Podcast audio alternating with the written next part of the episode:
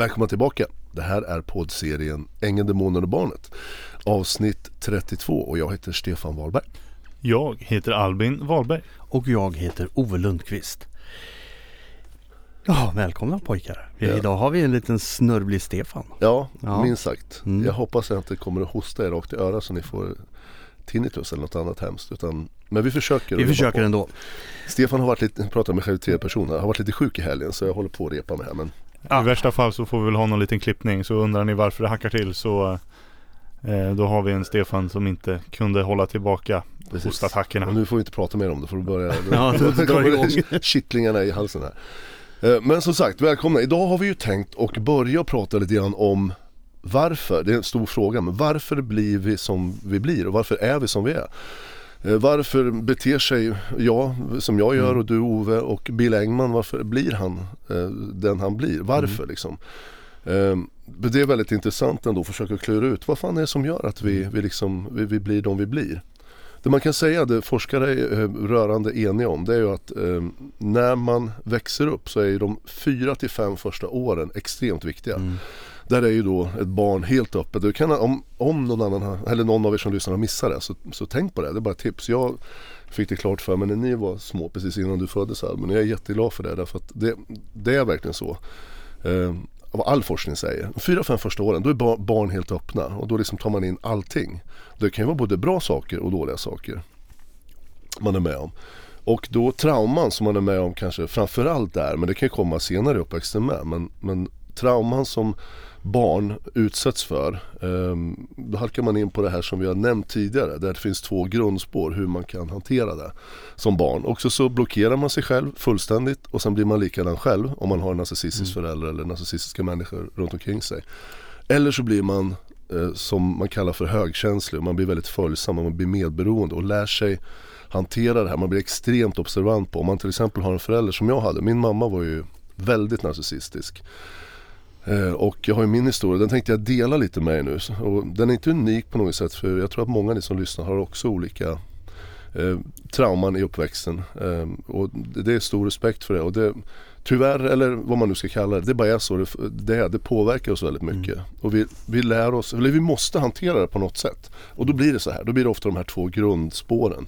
Och så blir du hård och brutal själv om man ska enkelt förklara. Eller så blir du väldigt följsam och du vill du lär dig att liksom den här föräldern ska tycka om det, att du inte ska vara till lags och sådär. Och sen blir du så, du bär med dig det sen upp i livet. Att du, du liksom blir lite fredsmäklare kanske. Många av de här medberoende blir då, jag tror jag varit inne på det tidigare, men terapeuter och kommer in i behandlingsvärlden och sådär. Ja, det, det hör ju lång väg som när ni var unga och spelade i band här och du skulle se till Ja. att alla var vänner. Ja, precis. Jämt Ja, men det var det har vi ja, Ja tagit men det är kanske ett bra exempel. Ja, grann. faktiskt. Det har inte jag tänkt riktigt så som Ja. du säger nu. Men det, det var ju faktiskt så. Du var ju fredsmäklaren det här. Mm. Nej, nej, nej.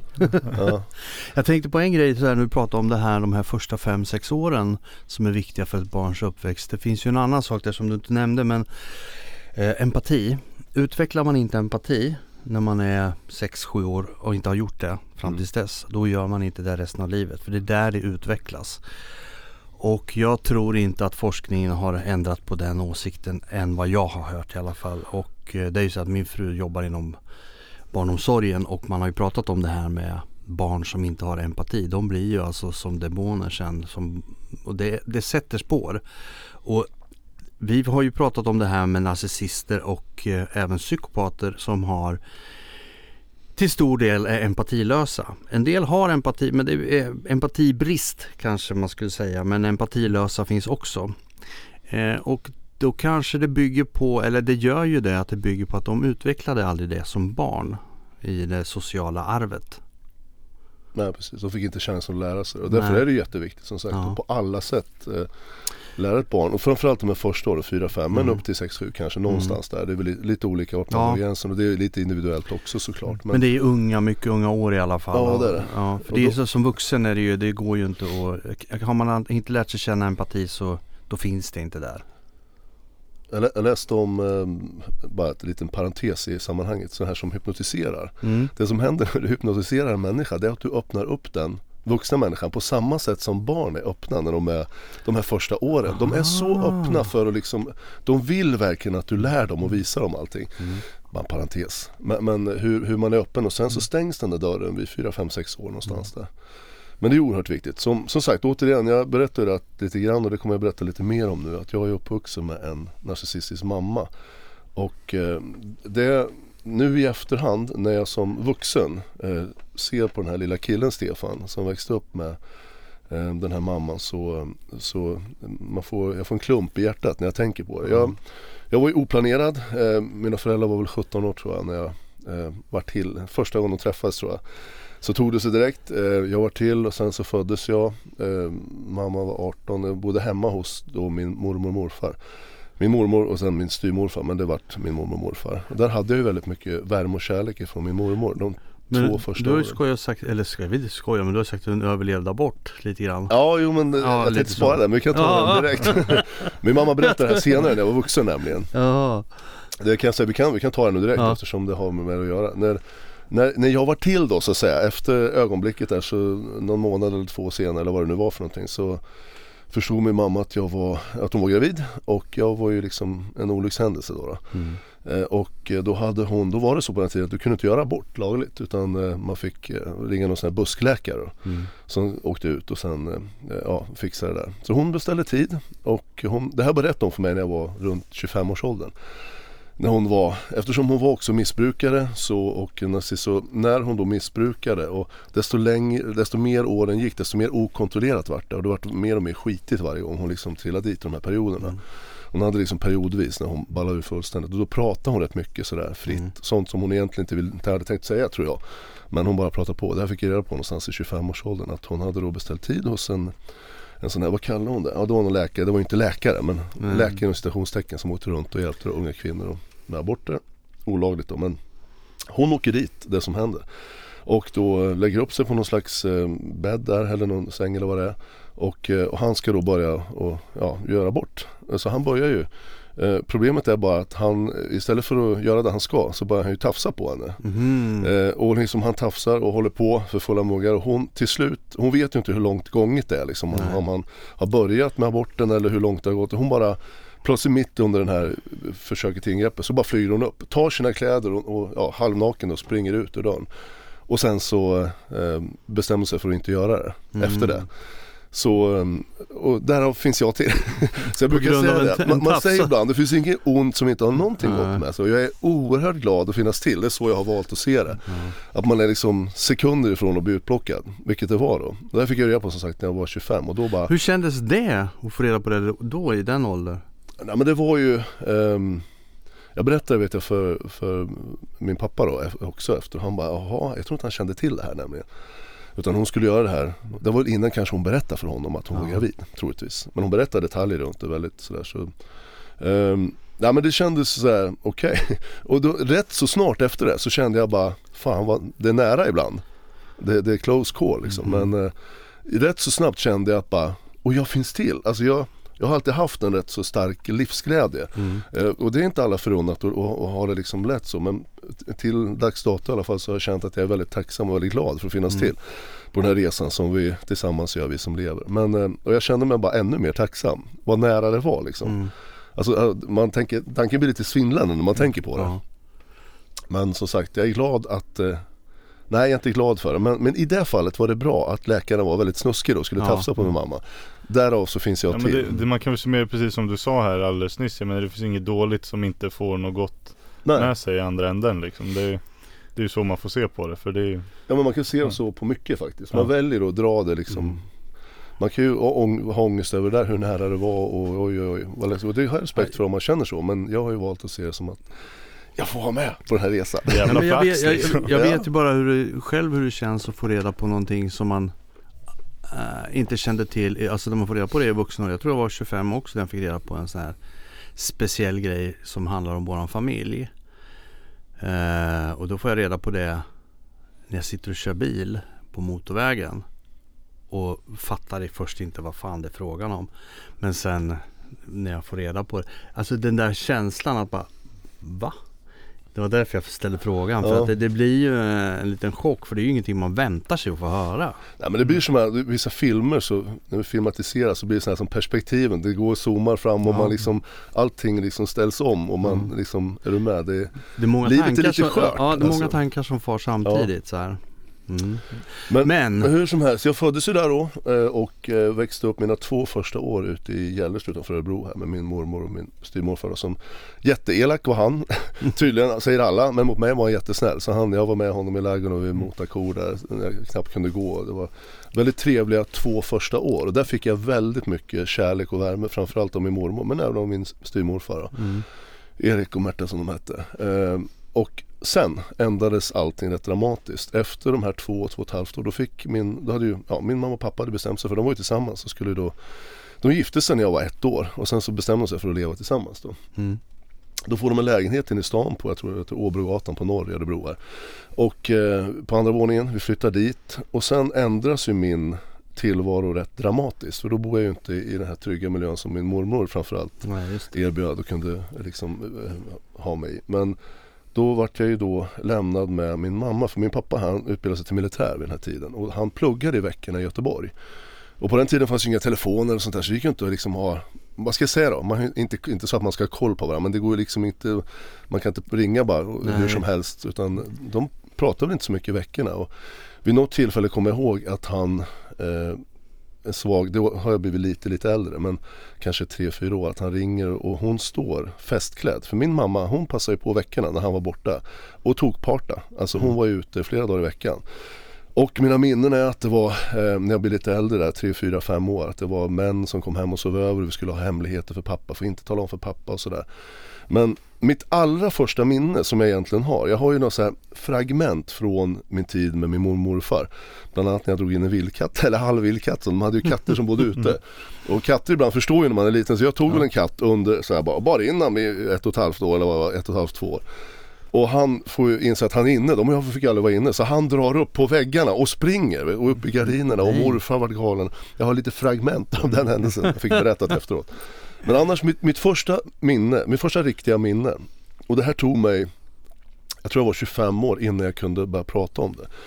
Det är att jag och mamma är själva i lägenheten som vi var alltid i veckorna. Och eh, jag ska sova och jag går och lägger mig. Och nu i efterhand, alltså jag, jag kommer ihåg det så tydligt så det är som att det hände för några veckor sedan bara. Mm. Det, det, är helt otroligt trots att det har gått så många år. Men hon kommer in och hon är fint klädd men hon vill att jag ska sova då. Ja, så sover ju inte jag och då blir hon lite arg. Men har du inte somnat än Stefan liksom? Och då försöker jag ju, som jag redan var då, tre år, jag hade inte fyllt fyra, jag var alltså tre år här. Försöker, nästa gång hon kommer in, då, vad gör jag då? Jag låtsas ju sova för att göra mm. mamma glad såklart. Då tror hon att jag sover, fiffigt av en tre och ett halvt åring. Mm. Eh, eller precis innan jag skulle fylla fyra. Och det som händer sen det är att hon går ut. Eh, jag hör att ytterdörren liksom, det, det förstår jag ju. Vi hade dubbla dörrar. Stänger igen, låser, båda låser och sen blir det knäpptyst. Och jag fattar ju direkt. Alltså det blir knäpptyst i lägenheten. Mm. Jag somnade ju alltid, det var en tvåa vi hade. Jag somnade ju alltid med ljudet av att mamma höll på i, ja, i lägenheten. Och jag bara, det är någonting i mig som bara, något är bara fel, förstår jag eh, Trots att jag bara är bara några år. Och jag går upp och jag bara känner att något är fel. Så jag, man, mamma är inte hemma och jag hör någonting ute på gatan. Liksom så här. Och lyckas gå upp i köksbordet för vi hade då alltså köket och ett köksfönster mot mm. gatan utanför. Jag hoppar upp på stolen och jag ser min mamma när hon då kramar om sin kompis Lilla när hon hette. Eh, och jag, jag liksom bara, och någonstans så fattar jag, trots att jag är så ung och så liten så förstår jag att, att hon, hon liksom hon går upp, eller ja hon går, kramar ju den här då, jag ska försöka prata om det här men det är fan känslosamt nu med, det är jättesvårt att prata om det. Men hon kramar honom, hoppar in i taxin och jag förstår någonstans att de är på väg, åka iväg. Ja. Och det här är min trygghet, mm. det är min mamma. Ja. Alltså det är bara, jag hoppar upp på köksbordet, på något sätt får jag upp fönstret, för det liksom visste jag, oh. det fanns ju inga barnlås då. Nej. Och jag står med fönstret och drar upp det och när taxin åker iväg med min mamma så står jag och skriker liksom för full hals bara MAMMA! Alltså som en galning, ja. jag skrattar nu men det var fan inte kul då. Nej. För det, det känns, alltså det bara, du vet jag får gåshud nu när jag, när jag är med om det. Eller när, när jag pratar om det nu. Det känns som att jag liksom är, och bara, jag är totalt panik. Jag bara skriker mamma. Och får ju panik. Alltså jag, jag, jag kunde ju ramla ut med. Jag hoppar ner och ställer mig mot, mot ytterdörren och liksom bara slår i panik och bara skriker, alltså gallskriker. Mm. Och till slut så kommer ju då vicevärden där. Ja. Och någon gång ibland så brukar hans dotter sitta barnvakt. Han hade ju nyckel till lägenheten. Ja. Så han kommer in och lugnar ner mig för jag var fullständigt panik. Jag var helt, mm. helt väck. Så det tog en stund innan jag lugnade ner mig och sen så la, stannade hon kvar, dottern kom där också. Sen så kunde jag liksom somna där. Och det där är liksom mitt första minne. Och jag kunde, det här har följt mig hela livet och jag kunde inte prata om det. Som sagt förrän vi var, min mamma var på ett hem, eh, ett behandlingshem när jag var 25. Mm. Då fick vi chans att sitta mot varann och de andra sitter i ring och jag fick liksom chans att berätta och vi kunde gråta tillsammans om det liksom och få fram det. Eh, och liksom hon förstod någonstans att det här var ju liksom, och hon kunde be om ursäkt och sådär. Och efter det kunde jag prata om det. Men det var med nöd och näppe, fortfarande nu, vi satt och pratade om det innan mm. här när vi käkade lunch innan vi skulle spela in podden här så var det fortfarande känslosamt. Mm. Eh, och liksom hon var, min mamma var ju så narcissistisk. Jag tror att ni som lyssnar eh, också känner igen er i de här personerna, det här elaka som de här har. För hon kunde, alltså rätt så kort efter så kommer jag ihåg hur, ja, jag åt inte upp maten och då säger min mamma, ja ät upp annars kanske jag åker ifrån dig igen. Alltså det är så, det är så jävulst elakt, hur kan man säga mm. så till ett barn? Mm. Alltså jag, jag blir liksom, ja, det är bara, det, det, är ofattbart tycker jag. Men, men hon hade ju sina skäl, hon hade en, en väldigt tuff, tuff uppväxt. Hon hade ju blivit då den, det andra eh, yet, andra mm. benet, eller toppen av yet där. Hon hade blivit väldigt brutal mot omgivningen och bara tog för sig av livet och sket i att hon liksom, hon, jag vet inte, man, man bara, man blockerar väl allt jobbigt mm. och sen bara blir man på ett visst sätt. Men, men här liksom så var det ju en balansgång för mig hela, hela tiden. Hur jag skulle hantera henne. Och jag hade ju inget, alltså som barn, du har, i den åldern, du har inget du har inget, liksom, du har inget att ta till. Nej. Du bara måste finna det allting. Mm. Du måste här, bara hantera det. det ja. Alltså det, det, här blir ju så um, ofattbart att göra så mot ett barn som är som inte kan liksom sköta sig själv eller någonting. Man bara lämnar det. Precis som en liksom en påse sopor så här. Ja. Och det hon äh. gjorde då fick jag reda på, ja. Men jo, jag skulle fråga dig, men har hon, har hon kommenterat det här i FN? När ni, när ni fick möjlighet att prata sen när du var 25, mm. sa hon någonting om det här? Ja, hon sa att hon var ledsen. Och ja. någonstans så eh, djupt i henne så tror jag att det var Men hon hade så svårt att liksom vara eh, Vad ska jag säga Helt i situationen när man pratar och kunna Prata om sånt hon hade gjort och sådär. För det som händer med den här typen av personer Det är att de gör ju så mycket tok. Mm. Så om de någon gång skulle ta upp det, som Bill till exempel nu. Och jag menar verkligen det. Jag vill inte prata illa om Bill. Jag har inget personligt, ja det kanske jag har någonstans men det, det, det är liksom inget som dominerar det här. Jag vill inte Bill illa. Utan det jag vill det är att berätta om det här. Ja. Därför att de här personerna eh, gör inget bra, inte för dem själva heller. Och min mamma led ju fruktansvärt. Jag tror att en, anledning, en av anledningarna till att hon missbrukade så mycket det var att hon hade gjort så mycket tok liksom. Mm. Så det, fan, det finns till slut ingen väg ut liksom. Och det har jag sagt, sa vi för länge sedan, och sagt flera gånger. Ändå göra, du lägger upp allt på bordet. Mm. Och sen vad, vad en, någon annan som du har så vill prata om, men ta det. Stå för det liksom. Mm. Oavsett vad, om du har gjort hemska saker, stå för det. För då kan du sakta sakta komma ifatt dig själv liksom. Mm. Men det gör de här personerna aldrig. Det finns säkert något undantag någonstans men de gör inte det. Eh, men det hon berättar sen i alla fall när jag var vuxen för så som jag sa så ballade hennes missbruk ut och var och hämtade henne på olika ställen hos olika karlar även när jag hade flyttat hemifrån. Jag flyttade hemifrån väldigt tidigt när jag var 16.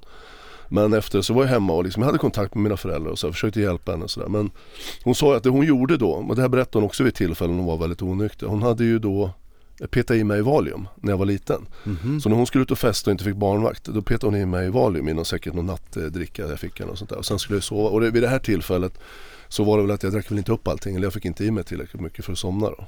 Eh, det här när hon åkte iväg. Ja.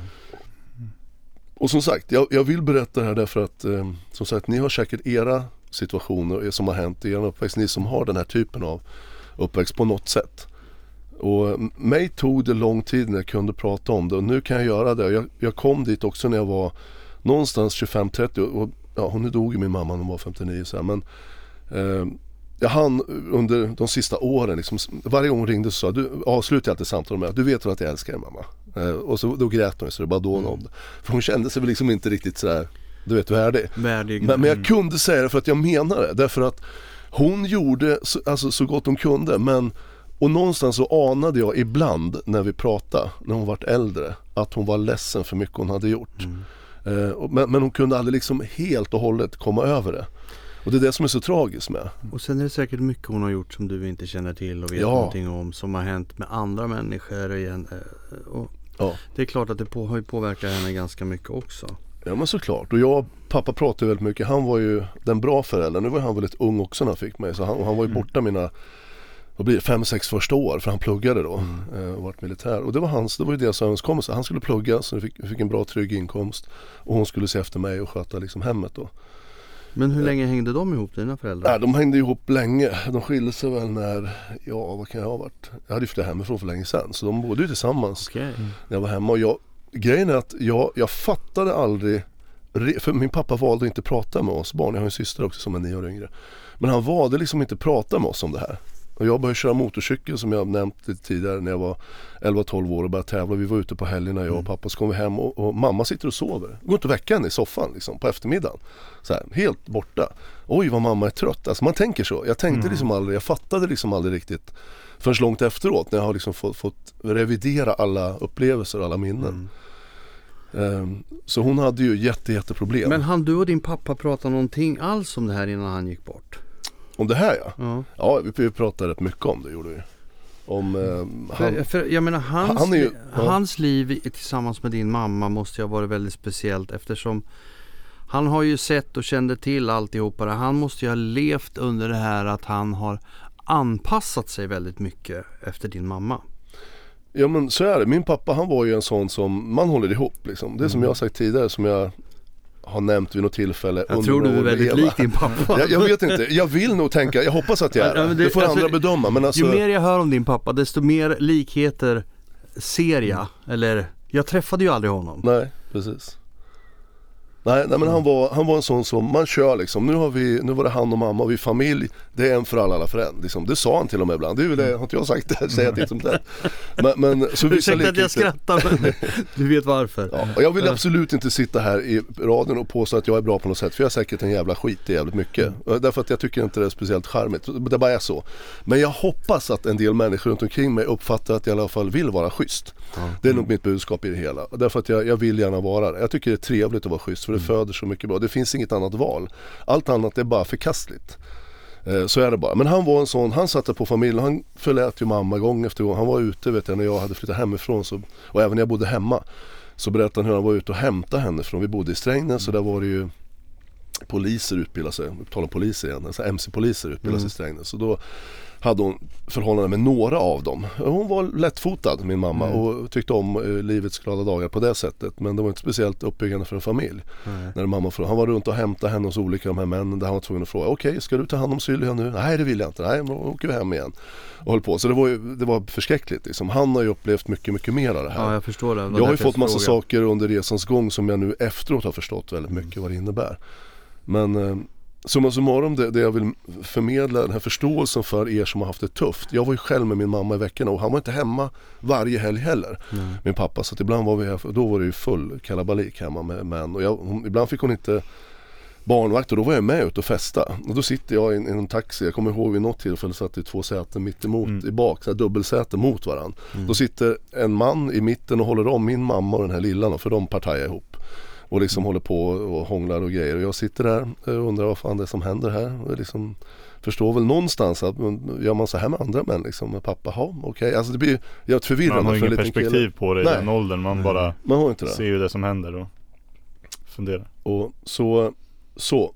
Anledningen till att jag berättar det här det är att de här två spåren som man då växer in i och jag vill tro och jag tror väl att jag är kanske det andra spåret än vad Bill är jag, jag, jag mår bra av att vara schysst. Sen så, så här, lyckas jag inte alltid men jag mår faktiskt bra av att vara schysst och det är viktigt att man är det. Jag kan väl säga så här då som utomstående i det här. Eh, det, det, det, som jag vet, jag har ju känt dig väldigt länge. Och vi har ju, jag har ju då sett dina sidor i olika sammanhang. Och jag kan säga att du är definitivt på den här andra, den här empatiska sidan. Du är ju den här, nej men grabbar vi ska inte bråka. Du är en för alla, alla för en. Och, eh, det är din personlighet. Så är du och det är så jag uppfattar dig från dag ett när vi lärde känna varandra till fram tills idag. Har jag fortfarande exakt samma bild av dig som jag hade första dagen. Den har inte förändrats, den har varit konstant. Sen har ju du utvecklats som människa naturligtvis. Eh, och blivit vuxnare och kanske byggt på dina värderingar och fått erfarenheter och sånt där. Men i grunden så är du fortfarande samma person som du var när vi var i 20-årsåldern. Det är trevligt att höra. Ja, det jo men det, det, det, det, är ju bara, och jag har sagt det här så många gånger och, så att, och jag står för det. Och det är därför eh, skulle jag veta att du, hade du varit på den andra sidan, om man ska säga, följt det andra spåret.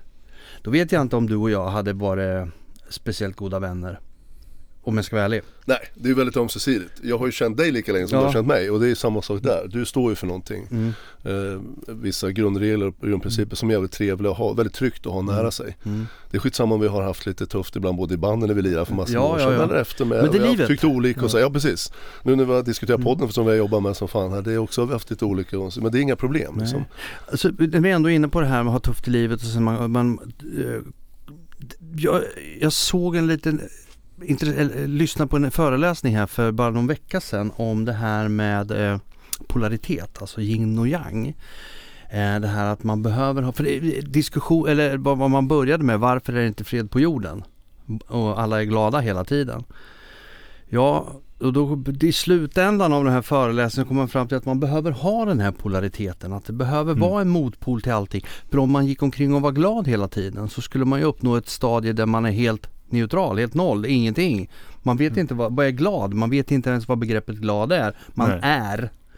Och, Men man får ingenting, man får ingen anledning att uppskatta glädjen nej. för man har aldrig varit med om något annat. Man är aldrig med om något annat liksom löpande. Det, menar, det är naturligt. Liksom. Gå omkring och alltid vara mätt, aldrig vara hungrig. Ja, När nej. vet man att man ska äta då till exempel? Om man är hungrig och då smakar maten gott.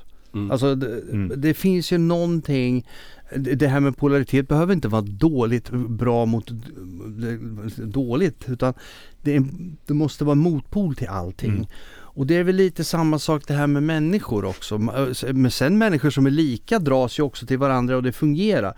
Men det finns ju någonting i den här eh, synergin med människor som funkar ihop som också är motpoler som gör att ena dagen är det bra, andra dagen är det dåligt. För att man ska leva som människa, för det handlar ju om att, liksom, att leva och uppleva. Mm. Nej, men man, nu blir vi lite filosofiska och det finns ju anledning att bli det också därför att det är, liksom, det är ett stort brett ämne. Det handlar om varför man lever och hur man ska leva mm. i grunden och hur man ska liksom, se på olika saker och ting. Men, men det som du säger, alltså det är ju när du berättar här nu att det finns motpoler men jag tror ju inte Eh, var ska jag börja med det här? Jag börjar så här. Jag tror inte jag hade varit den människan jag är om jag inte hade haft den här ruffiga uppväxten. Ja, men det, Förstår det, ni vad jag menar? Det är ju väldigt ja, men du är ju formad och då, och då också som jag sa med det här med den här aborten som nästan hände ja. men som gjorde att, eh, ja, det finns inget dåligt som inte har något bra med sig också. Jag tror att de här om man nu blir som man kallar lite högkänslig eh, för och blir utsatt och man försöker anpassa sig till någon väldigt, väldigt otrevlig och elak person i sin omgivning så, så lär man sig att hantera det och man lär sig också att se när någonting är dåligt men också mm. när någonting är bra. Mm. Alltså jag, jag har ju sagt mm. det, jag säger så ibland och det är mitt eget sätt att uttrycka sig. Jag tycker att människor som är snälla, jag kanske inte alls är det mm. utan det här är bara människor generellt som jag träffar. Människor som är snälla, det är de som räddar världen brukar jag säga. Och jag tycker det, de här som är snälla för sitt eget bästa eller som är, de kallas för naiva och godtrogna. Men för mig är det något fint. Mm. För jag, jag, tycker verkligen det, därför att sådana är ju väldigt tryggt. Tänk er själv, sån är ju jättetryggt att ha med sig. Mm. Den här som verkligen mm. är mån om att du också mår bra. Mm. För då kan jag göra likadant och så månar vi om ja. varandra. Vi blir om, ju Om vi blint kan lita på varandra och ja. inte behöver misstänka varandra och alltid bara, ja men om du gör det här då måste jag få, du må, måste få något tillbaka och vi måste ha alltid ha ett, utan mm. man, man löser det längs vägen. Ja. Liksom. Och då kommer vi på nästa. När då en sån person som är lite så råkar ut för en sån som Bill och Eva i alla fall har blivit. Då blir ju det en mardröm. Ja. Därför att de spelar ju snälla. Och ja. sen vid rätt tillfälle, när de har fått allt de vill, då vänder de. Mm. Och vad är det som har hänt här? Jo, då vänder Eva. Hon har betett sig som i alla år vi var tillsammans, mm. fast det var hemligt förhållandet. Så, som att det var det bästa någonsin och hon kunde inte tänka sig något annat. Och jag upplevde, jag vart lurad ordentligt. Jag upplevde att hon var lycklig. Jag tror fortfarande att vi hade det bra. Men sen händer någonting. Hon blir liksom färdig, hon får så mycket makt, hon står för allting. Då vänder hon. Och inte bara det som sagt att hon väljer att hoppa av. Utan det kommer liksom, det är ju här en narcissist avslöjar sig. Mm. Och vi har, vi har pratat om narcissister olika typer men vi har inte nämnt så mycket om malignt narcissist finns det Nej, ett begrepp som heter. Det är ju de ni har hört talas om malignt melanom, det är ju elakartad eh, cancer. cancer, hudcancer. Mm. Och, eh, malignt narcissist är ju elakartad eh, narcissist, en elak narcissist mm. som, som njuter av att vara elak mot mm. dig. Och det är jävligt otäckt, det är ja. det verkligen. Jag till exempel jag, jag litade ju blint på Eva, som ni förstår. Och jag vet det är många som har hört av sig och med fog säger att hur fan kan du lita på henne? Ja nu i efterhand så kan man ju absolut tänka Facit i hand så Ja. det är lätt att vara efterklok. Absolut. Men, men, men det är väl fint att kunna, alltså jag, jag litar fortfarande på människor efter Ja. det här. Därför att, nu har jag kanske strypt åt lite lite grann såklart som ni förstår alla som lyssnar. Men det är något fint att vara beroende av varandra, tycker jag. Jag tycker det är något fint. Vad fan, gå igenom livet själv och inte våga lita på någon och jag ska stå för allting och alla pengar jag tjänar det ska jag ha på mitt konto. Alltså det är något tråkigt i det, tycker jag. Man, väljer, man måste ju välja liksom grunden i vilket spår du vill leva som. Vill du leva som Joakim von Anka och sitta och bevakta din pengahög och vara livrädd för att någon ska komma och lura dig? Eller vill du kanske försiktigt lita på lite andra och kunna liksom dela glädje med någon annan? Och, ja, på något sätt, ni förstår. Och det jag och Eva var på väg mot. Vi var ju på väg mot något otroligt bra, rent både ekonomiskt och sen eh, rent eh, ja, mjuka värden i livet, där hur vi skulle leva och sådär. Men sen plötsligt bara väljer hon och nu, det hände ju massa jox efter det. Mm. Eh, det, det blir ju det när man tokar till det. Man kan inte göra vad som helst utan att få konsekvenser såklart. Men det, det som är, det är de här personerna som blir lite mer högkänsliga och lite mer medberoende. De blir ju perfekta offer också, på något, om man måste och säga det. För de här som är eh, Du- narcissist. Den här skalan då när, man, när vi, som vi pratade, eller det du nämnde nyss då, det är på den ena sidan, de här elaka narcissisterna. Det finns ju, det är en ganska bred skala det här med vart man är. Så det, och det finns ju de här, jag skulle väl egentligen kunna säga att gemene man är ju lite narcissister på ett positivt sätt. Alltså det, man, vi behöver ha det för att klara oss eh, framåt. Man behöver ha lite, lite vassa armbågar men man behöver ju inte bara eh, liksom elak eller liksom se till Man, att andra man behöver ju ha lite driv liksom. Ja och, det är ju en drivkraft. och, och jobba hårt för Ja. någonting man tror på, någonting Ja. man vill. Så det är väl eh, så. Och alla vill väl ha bekräftelse på ett eller annat sätt så att narcissisten finns i oss allihopa. Så, så är det ju. Mm. Men sen är det ju så här att den här skalan som det kan bli och hur det påverkar. Jag kan väl dra, jag har liksom, nu när vi ändå sitter här, jag kommer ta en grej som vi vi har pratat om och kanske öppna en burk. Men jag ska ta lite av det i alla fall. Jag tror jag nämnt det tidigare att jag har ju haft då i min uppväxt då också det här med narciss, ja, en narcissist och psykopat ska jag väl säga. Eh, i, eh, min mamma träffade en man som eh, eh, han var jättetrevlig till en början. Charmig som bara den. Månade om alla oss barn. Tills det att vi flyttade ihop och under gemensamt tak där de hade gemensamt hus. Då hände det någonting. Min mamma jobbade ganska mycket. Han jobbade dagtid så att han var hemma. Jag tror han slutade halv fyra, fyra så här. Sen var han hemma på kvällar och så. Eh, och eh, då började det bli eh, alltså elakheter. Alltså. Och min bror fick ta ganska mycket skit och stryk. Eh, däremot jag blev satt som gisslan. Och det här har jag bara pratat med min mamma om egentligen. Och min fru vet om det här också. Men eh, det jag blev satt som gisslan, det, det han säger till mig att om du säger något till morsan, då får han mer stryk. Så mitt alternativ, det var att hålla käften för att låta han inte få stryk. Men han fick stryk i alla fall. Så eh, alltså det här är ju också, vad fan gör man då? Och jag var inte så gammal när det här pågick. Och det där har ju då förstås satt spår hos min bror. Han har aldrig pratat om det. Han, eh, och han, han vet inte om att jag vet. Men Eh, det är väl lika bra att dra det här nu då när vi ändå håller på. Eh, han har ju alltid, eh, vad ska jag säga? Han, eh, det kändes som han beskyllde våran riktiga pappa för en massa saker. Bara för, så att han inte brydde sig och inte fanns till hans och alltihopa. Det var väl hans känsla, absolut. Men min pappa han jobbade, han var, körde buss och åkte på utlandet så han var ju nästan aldrig hemma. Så vi var inte så ofta hos honom. Vi var där när det funkar liksom. Och ibland blev det så här att ja vi ska åka till pappa i helgen och sen så fick han en åkning för någon var sjuk så var han tvungen att åka till ja, Österrike eller någonstans. Då blev det att vi inte fick åka. Då blev han naturligtvis besviken förstås. Så jag tror han tog det hårdare än vad jag gjorde. Där är vi inne i det här att man kan, påver- man kan leva under, eh, det, var, det är det här vi kommer till, man kan leva under samma förhållanden. Men man utvecklas på olika sätt. Vad han har gjort är att han har tagit avstånd från, från sin familj under många år. Och han och jag har ingen kontakt idag. Så. Eh, jag har blivit beskylld för allt möjligt så att det, mm. det är något helt annat. Jag är väl eh, roten till allt det onda på jorden men det, mm. det får väl vara hans liksom så. Eh, han har knappt någon kontakt med, med övriga, inte ens sin egen mamma. Våran pappa är borta sedan många, många år. Där fick jag vara medlare emellan dem därför att eh, han vägrade prata med honom och han var, hade ganska taskig attityd mot våran pappa. Eh, så det där är ju också intressant hur man kan bli så pass olika.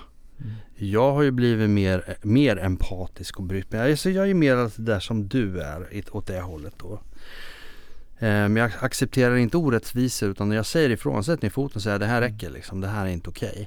Men eh, eh, man kan, vad ska jag säga, man kan utvecklas åt olika håll skulle jag, så, så vill jag säga. Fast man kommer från samma familj. Så samma mm. förutsättningar. Och jag har pratat med min syster om det här. Hon är ju 11 år yngre än mig så hon är mycket yngre. och det är ju hennes pappa som vi pratar om. Så vi är min halvsysters pappa. Mm. Hon har ju inte speciellt höga tankar om honom heller. Så kan man väl säga. Han lever inte längre. Han har varit borta sedan många år. Men eh, hon vet mycket väl att det här som jag säger det stämmer och är sant och hon känner till det här och folk runt omkring kände också till det här. Det här är lite också det där när elakheten sipprar ut och börjar folk de vet om det och de pratar mm. hemma på kammaren men de säger ingenting förrän långt efter. Jo men det där har vi kände vi till. Vi visste att det var mysko liksom sådär. Han hade ett jävla sätt mm. och så. Men eh, vad vill jag säga med det här? Jo det är att hur man är, om man växer upp som syskon. Så, min syster hon har inga, hon, eh, hon är mer som mig på det sättet. Så det är egentligen det, det är min bror då som har fått tag Så han behöver ju liksom i sin tur söka samtalsterapi för att liksom kanske bearbeta alla sina upplevelser som han har haft som barn och sortera ut det på något sätt. För att eh, vi har två olika upplevelser från det här och sen är jag, jag, är, bara, jag är knappt två år äldre än honom. Så att det är inte så jättestor åldersskillnad heller. Så att det går inte att säga att han var så liten. Men jag har alltid fått höra att du som är så stor borde veta bättre. Mm. Det är också en sån här grej som man inte kanske vill ha. Nej. Men tror du att han eh, när ni var små där och du blev håll som gisslan lite fick absolut inte berätta något. Eh, när han fick stryk och ni skulle åka till eran pappa där.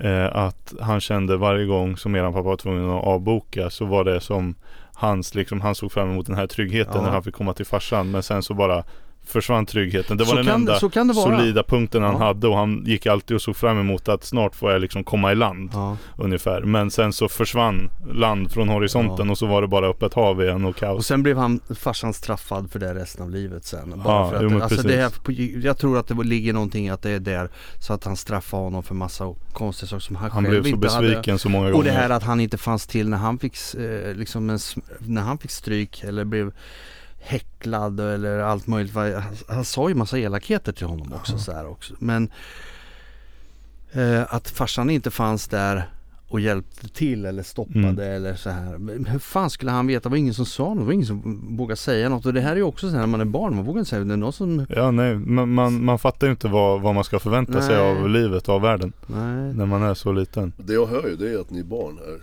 Um, ni, ni liksom vart ju drabbade och din bror kanske mest där. Ja. Mm. Och det är klart att då hjälten och hans pappa, man, alla eh, små grabbar och tjejer kanske, men mm. pappan liksom som kommer in och räddar upp situationer mm. ibland. Han fanns ju inte fanns där. Inte där. Nej, och det, och det var, förstod ju inte din din bror, Nej. lillbror där. Att, oh. liksom att eh, det här, utan det var bara, han fanns inte där.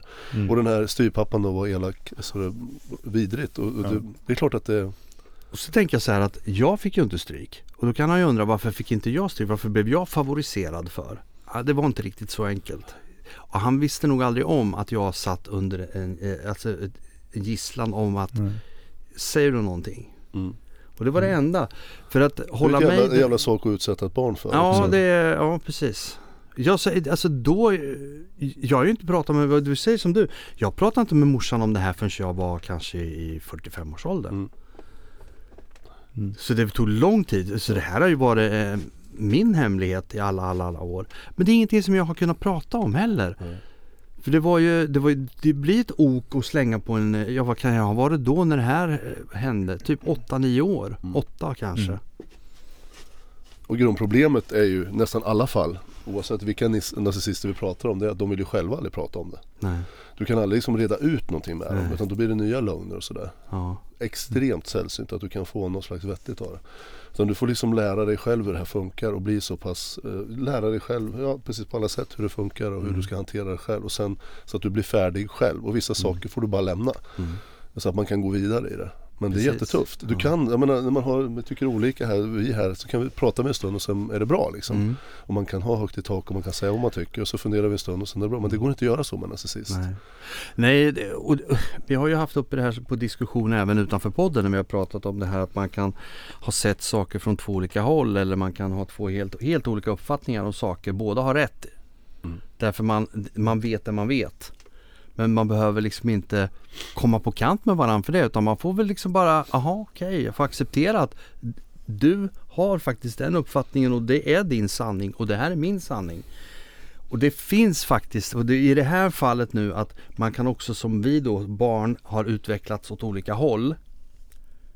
Men vi har haft ungefär samma förutsättningar. Det var mm. bara att jag fick inte smällen i ansiktet. Nej. Jag fick bara ta en annan eh, verbalt fick jag ta. Mm. Och även leva under ett hot och eh, en, ett, jag, jag, kallar det för gisslandrama för det var faktiskt vad det var. Ja, han behandlar det olika och det, det är väldigt signifikativt för en narcissist att de har olika de behandlar barnen olika. Mm. Jag säger det att en förälder ska villkorslöst älska sina barn precis lika mm. mycket. Hela tiden, precis. alltid. Det är man fan skyldig till. Inget annat. Det, det, det är inte okej okay, liksom. Men en narcissist gör ju inte det utan den har ju favoritbarn och så. Man har ju nästan alla familjer där, där det är så här. Mm. Så är det olika roller och de spelar barnen på olika sätt. Mm. Eh, och det blir vidrigt, så mm. är det ju. Men det jag har tagit med mig från det när jag var barn det är ju liksom att jag blev väldigt över, jag är ganska överkänslig mot människor. Jag har börjat mm. känna av människor ganska kraftigt. Eh, och har gjort det under hela mitt liv. Och eh, man pratar om energitjuvar. Eh, det, det, är också ett begrepp men de eh, eh, Så fort de har kommit in i mitt liv och jag märker av att nej det här funkar inte Då ser jag bara till att de finns inte kvar i mitt liv Därför att jag har inte tid och ork och lust med energitjuvar. Jag vill umgås med människor som ger mig energi och jag kan ge energi. Mm. Det ska vara ett utbyte, då fungerar det. Men de här som bara ska ha och ska ha och kräver och alltihopa det här. Oftast är det så högrankade narcissister. Och de går faktiskt bort i min bok. Och det är åter tillbaka till min barndom. Den här lilla åttaåringen, sju åttaåringen som står där och ser sin lillebror få stryk och sen så vet att jag kan inte säga något till någon för då blir det bara värre. Mm. Och jag vet inte vad är nästa steg? Vad blir nästa han får? Får han en spade i ryggen eller ja men du mm. vet, mm. man har ingen aning. Man Nej. kan ju bara tänka sig att han kan få mer. En örfil eller som han uttryckte sig en lavett. Det var hans favoritord. Han skulle ge honom en lavett. Och det var okej okay, liksom att ge ut lavetter? Japp, det var, det var liksom så han uttryckte sig och sen så small det bara tjong! Så. Och det är klart det där sätter spår. Ja. Även om det inte var dagligen. Men det var alldeles för ofta förekommande för att det ska vara okej. För man gör inte det överhuvudtaget. En gång, mm. är, en gång för mycket ja. i det fallet. Precis. Jag tänkte säga det en, två, tre gånger att ett barn blir slaget. Det, det kan ju räcka för att sätta spår resten av livet. Jag ja. menar, det, det finns en anledning till att barnaga är olagligt. Ja. Så... Ja, men och sen är det, det, det, går liksom inte, man har inte, när man är barn så har man inte den ryggsäcken, man har inte den möjligheten, man har liksom inte Man har inte verktygen för Nej, att har sätta något emot. Det går liksom inte, och även fast du skulle säga någonting, det, det funkar inte. Och de är inte intresserade, en narcissist är inte intresserad, precis som nu. Alla ni som har lyssnat på podden nu, ni har ju hört, vi har ju lagt upp hur mycket bevis som helst. I för, förra podden här, ja då har vi samtal när jag och Eva mm. pratar om mm. väldigt personliga saker. Och det finns inte en minsta tvekan om eh, hur vårt förhållande såg ut. Nej. Men ändå så kommer hon till alla runt omkring fortsätta med den här lögnerna att jag har gjort ditt och datt mot henne och förgripit mig och sådär. De ger sig aldrig, de gör Nej. verkligen inte det. De fattar liksom inte när det är dags att vänta här nu. kan det vara något bra i att jag faktiskt säger att ja fan, jag har gjort fel här, jag ber om ursäkt. Och de skulle, de skulle ju växa som människor, det skulle ju rädda dem som människor. Men det begriper de inte. De har, de har blockerat den här mm. liksom Det är ju den, den här andra eh, delen på yt. Man kör in i kaklet. Mm. Och det är som jag sa med någon gång här. Det enda Bill skulle kunna ha gjort innan vi, eller när vi startade den här podden, det är att ringa upp och säga Stefan, vi sätter oss ner och pratar om det här. Jag hade sagt okej, okay, inga problem. Och det hade jag menat. Mm. Men det kommer han aldrig göra. Jag har förstått det sedan rätt långt tillbaka. Mm. Han funkar inte så. Han skulle hellre sitta av åtta år i fängelse, vilket det kanske blir, who knows? Jag är inte den att bedöma det, men av, av massa tokigheter som han har gjort.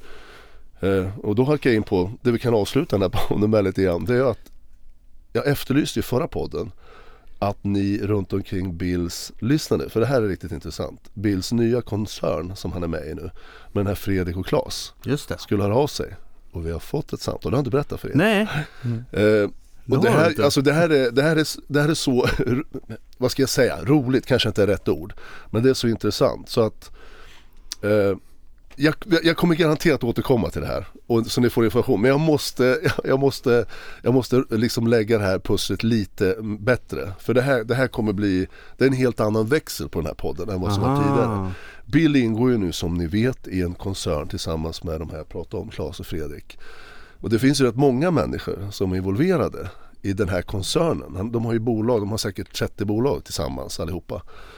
Och eh, det finns otroligt eh, spännande information om det här. Jag, jag, säger inte mer än så men jag, kom, jag kommer prata med den här som har rört av sig innan och den här nu sista. Och är ni fler som vill ringa, ni som jobbar med de här tre i den här koncernen så är ni mer än välkomna. För vi håller på att lägga, jag håller på att lägga ett mycket intressant pussel. Mm.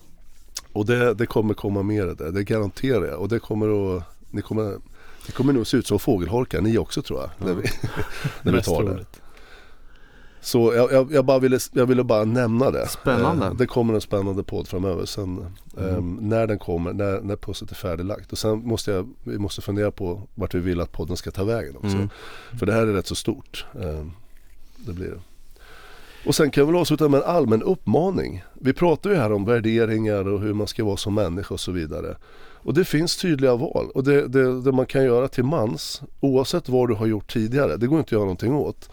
Men du kan faktiskt göra någonting åt det du gör från den här sekunden och framåt.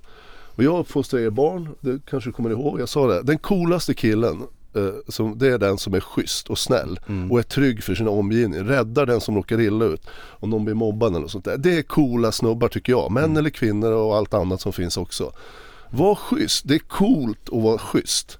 Det är inte coolt att vara tuff och skrika och gapa och anlita torpeder för man ska och allt vad det nu är för någonting. Det, det är bara extremt sjukligt mm. och det föder bara ett sämre liv för alla som kommer i kontakt med det.